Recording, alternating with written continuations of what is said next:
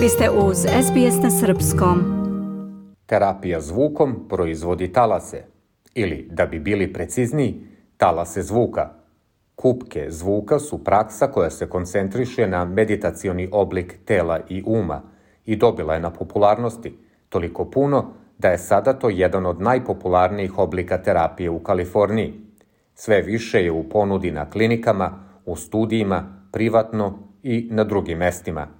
Ljudi koji pružaju usluge kupke zvuka kažu da može da odblokira energiju i porede sa time da uronite sebe u kadu sa vodom.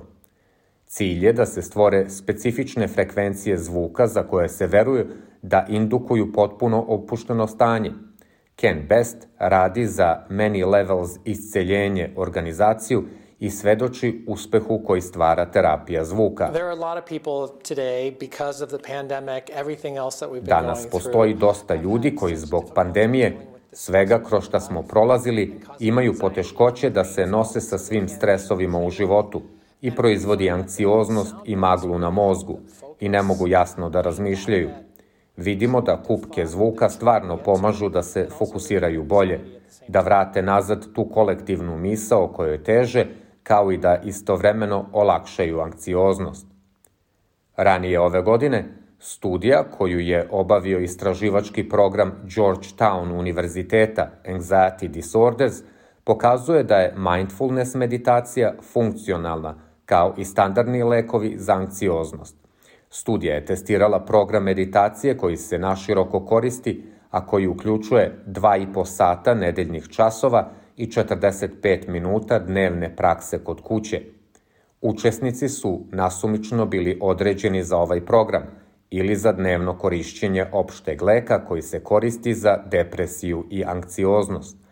Nakon dva meseca, anksioznost koja je izmerena je opala za oko 30% u obe grupe i nastavila je da opada tokom sledećih četiri meseca.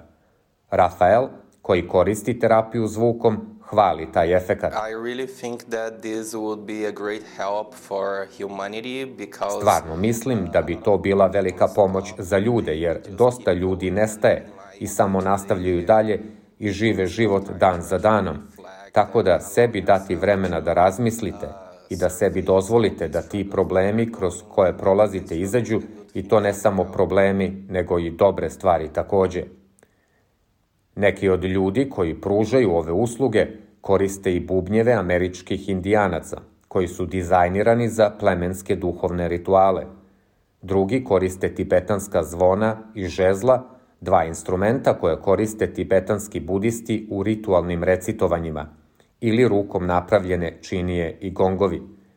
Diandre Sinet Nastavnik joge sumira ovo iskustvo.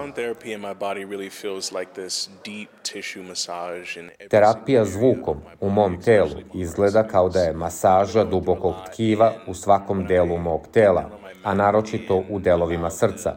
Kada legnem na joga podlogu i dozvolim tim zvukovima da uđu u mene, osjeća se kao duboki i moćni talas relaksacije. Želite da čujete još priča poput ove? Slušajte nas na Apple Podcast, Google Podcast, Spotify ili odakle god slušate podcast.